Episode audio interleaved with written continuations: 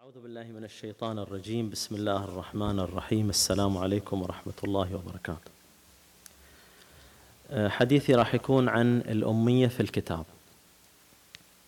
في عندنا آية في القرآن الكريم في سورة البقرة الآية 78 بالتحديد. تقول أعوذ بالله من الشيطان الرجيم. بسم الله الرحمن الرحيم. ومنهم أميون لا يعلمون الكتاب إلا أماني وإنهم إلا يظنون. طبعا الآية الشريفة توضح لي مشكلة وتوضح أيضا أعراض هذه المشكلة. المشكلة هي الأمية في الكتاب. أعراض المشكلة هي الوقوع في العقائد الباطلة. وهنا بالتحديد الآية تسمي هذه العقيدة الباطلة بعقيدة الأمنيات. طبعا إحنا لما نتكلم عن الأمية بصورة عامة لما نرجع إلى المجتمعات اللي تحارب الأمية في عنوان عندنا كبير يسمى محاربة الأمية. وكلمة محاربة تبين لك مدى الاستعداد اللي توفره هذه الدول وهذه الأمم من أجل القضاء على هذا العنوان. وكأن هذا العنوان عدو إذا هجم على المجتمع يدمره ويخليه في صعيد التخلف. طبعا الأمم تحارب الأمية بتعليم أفرادها القراءة والكتابة. ولكن هذه مهي نهاية محاربة الأمية. إحنا لما نعلم الفرد القراءة والكتابة ما انتهت الأمية. لأن يبقى على هذا الفرد أن يقرأ. في عناوين مهمة برزت عند المجتمعات وعند الدول. هذه العناوين الأساسية هي اللي المفروض الإنسان يكون مطلع فيها. إذا ما اطلع فيها الإنسان يعتبر أمي في هذا المجال. عندنا أمية في مجال الصحة. وش المطلوب؟ المطلوب أن الإنسان يتثقف في هذا الجانب يعني أن يقرأ أن يطلع. وش الإمكانية وش المهارة اللي يحتاجها؟ مهارة القراءة عشان يطلع. فلذلك الأمية مي مقتصرة أو ما ما يقضى عليها من خلال القضاء على ال ال أو من من خلال إكساب الفرد قدرة القراءة أو قدرة الكتابة.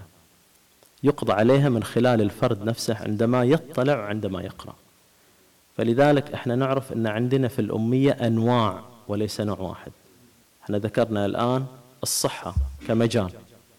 الآن برز إلينا في هذا العصر أمية الحاسب الآلي أو أمية التعامل مع الأجهزة الإلكترونية. ليش؟ لأن أصبح هذا الجهاز متطلب في مناحي كثيرة في الحياة. وما ما لم يكن الإنسان مطلع في هذا الجانب يعتبر أو يعد أمي في هذا المجال. إذا الأمية حسب النوع اللي إحنا نتحدث فيه. الآية الشريفة اللي هي آية 78 من سورة البقرة تحدد لي نوع مهم جدا من أنواع الأمية وهو الأمية في الكتاب الأمية في الكتب السماوية. وتبين لي أعراض عدم القضاء على هذه الأمية. لا تقول أعوذ بالله من الشيطان الرجيم بسم الله الرحمن الرحيم ومنهم أميون لا يعلمون الكتاب إلا أماني عندهم عقيدة الأمنيات. ولو حبينا نتعرف وش هذه العقيدة في نفس السورة الآية 111 تقول أعوذ بالله من الشيطان الرجيم وقالوا لن يدخل الجنة إلا من كان هودا أو نصارى. تلك أمانيهم. قل هاتوا برهانكم إن كنتم صادقين. البرهان من وين يجي؟ من الكتاب. ولأن ما عندهم اطلاع على هذا الكتاب ولأن عندهم جهل بهذا الكتاب وقعوا في مصيدة هذه العقيدة الباطلة. فإذا محو الأمية يرفع الجهل عن المجتمع ويخلي عنده حصانة.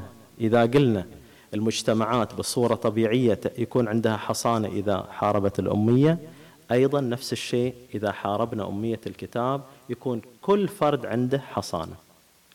هنا أفهم من هذا الكلام أن هذه أحد أنواع الأمية الهامة اللي المفروض يجب القضاء عليها. يجب القضاء على أمية الكتاب.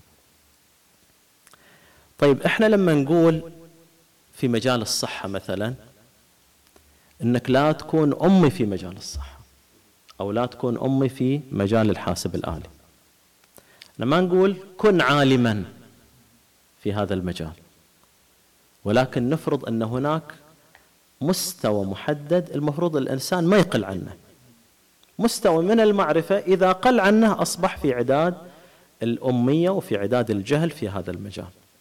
نفس الشيء بالنسبة إلى القرآن الكريم أو بالنسبة إلى الكتب السماوية. الله سبحانه وتعالى هنا من خلال هذا نفهم أن في فرضية يمشي عليها الكلام وهي أن لابد يكون في مستوى محدد. هذا المستوى ما نقل عنه ممكن نزيد.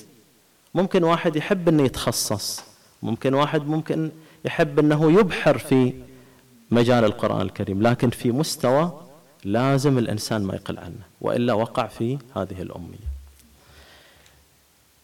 الآية تبين كذلك إن ديل الناس اللي الله سبحانه وتعالى يتحدث عنهم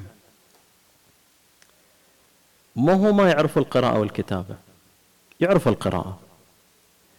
ولكن صرفوا هذه القدرة قدرة القراءة إلى كتب أخرى غير الكتاب السماوي.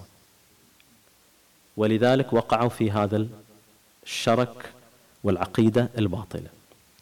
وهذا اللي يستغله الشيطان أن الإنسان يبتعد عن هذا الكتاب. يبتعد يعني كأن ما يسوي إلى حصانة فالشيطان يهجم عليه. الآية تقول أعوذ بالله من الشيطان الرجيم. ومنهم أميون لا يعلمون الكتاب إلا أماني وإنهم إلا يظنون. اعتمدوا على الظنون وتركوا اليقين.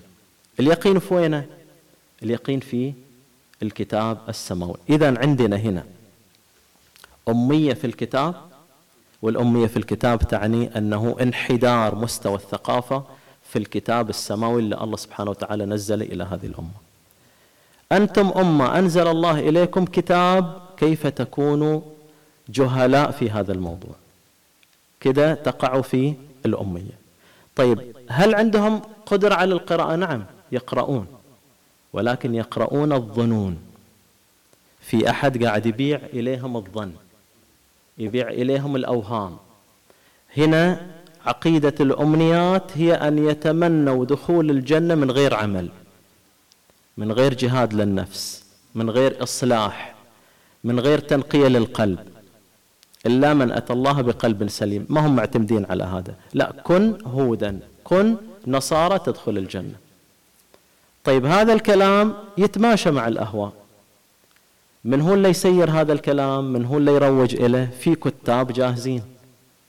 فويل للذين يكتبون الكتاب بأيديهم ثم يقولون هذا من عند الله ليشتروا به ثمنا قليلا. اذا هذه الكتابات الباطلة تجد لها رواجا عند من؟ عند هؤلاء الأميين. لو حصنوا أنفسهم بكتاب الله ما قبلوا هذا الكلام وما مشى عليهم هذا الكلام. الله سبحانه وتعالى هنا يفرض إلينا من خلال هذه الصورة أنه يجب على الأمة التي ينزل عليها كتاب أن يكون لها حصانة والا تقع في الأمية. حتى لا تروج الكتابات الباطلة حتى لا ينحدر المجتمع إلى العقائد الباطلة. فاذا في كتابات أخرى هذه الكتابات الأخرى هي اللي تجد لها رواج بدلا من مفاهيم وعقائد الكتاب السماوي. وعلى هذا تبين الآية اللي بعدها العقيدة الباطلة اللي وقعوا فيها. بكل وضوح تبين الأمنية الآن. وقالوا لن تمسنا النار إلا أياما معدودة. قل أتخذتم عند الله عهدا فلن يخلف الله عهده أم تقولون على الله ما لا تعلمون. وين هو العهد؟ العهد في الكتاب السماوي. الله سبحانه وتعالى يسمي الكتاب السماوي عهد. أوفوا بعهدي أوفي بعهدكم وإياي فارهبون. وهم أيضا يسموا اليهود والنصارى يسموا التوراة يسموها العهد القديم. لأن هذه المعاهدة اللي بين العبد وبين الله ويسموا الإنجيل بالعهد الجديد. هذه هي المعاهدة. أي شيء الله سبحانه وتعالى يكتب إلينا في الكتاب السماوي هو عهد. عهد بين العبد وبين هذا الرب. فإذا وين العلم؟ أم تقولون على الله ما لا تعلمون؟ وين العلم المفروض يكون؟ من خلال الكتاب. وما دام ما عندكم علم من الكتاب بدأتوا تتخبطوا وتنحدروا إلى معتقدات باطلة ما أنزل الله بها من سلطان.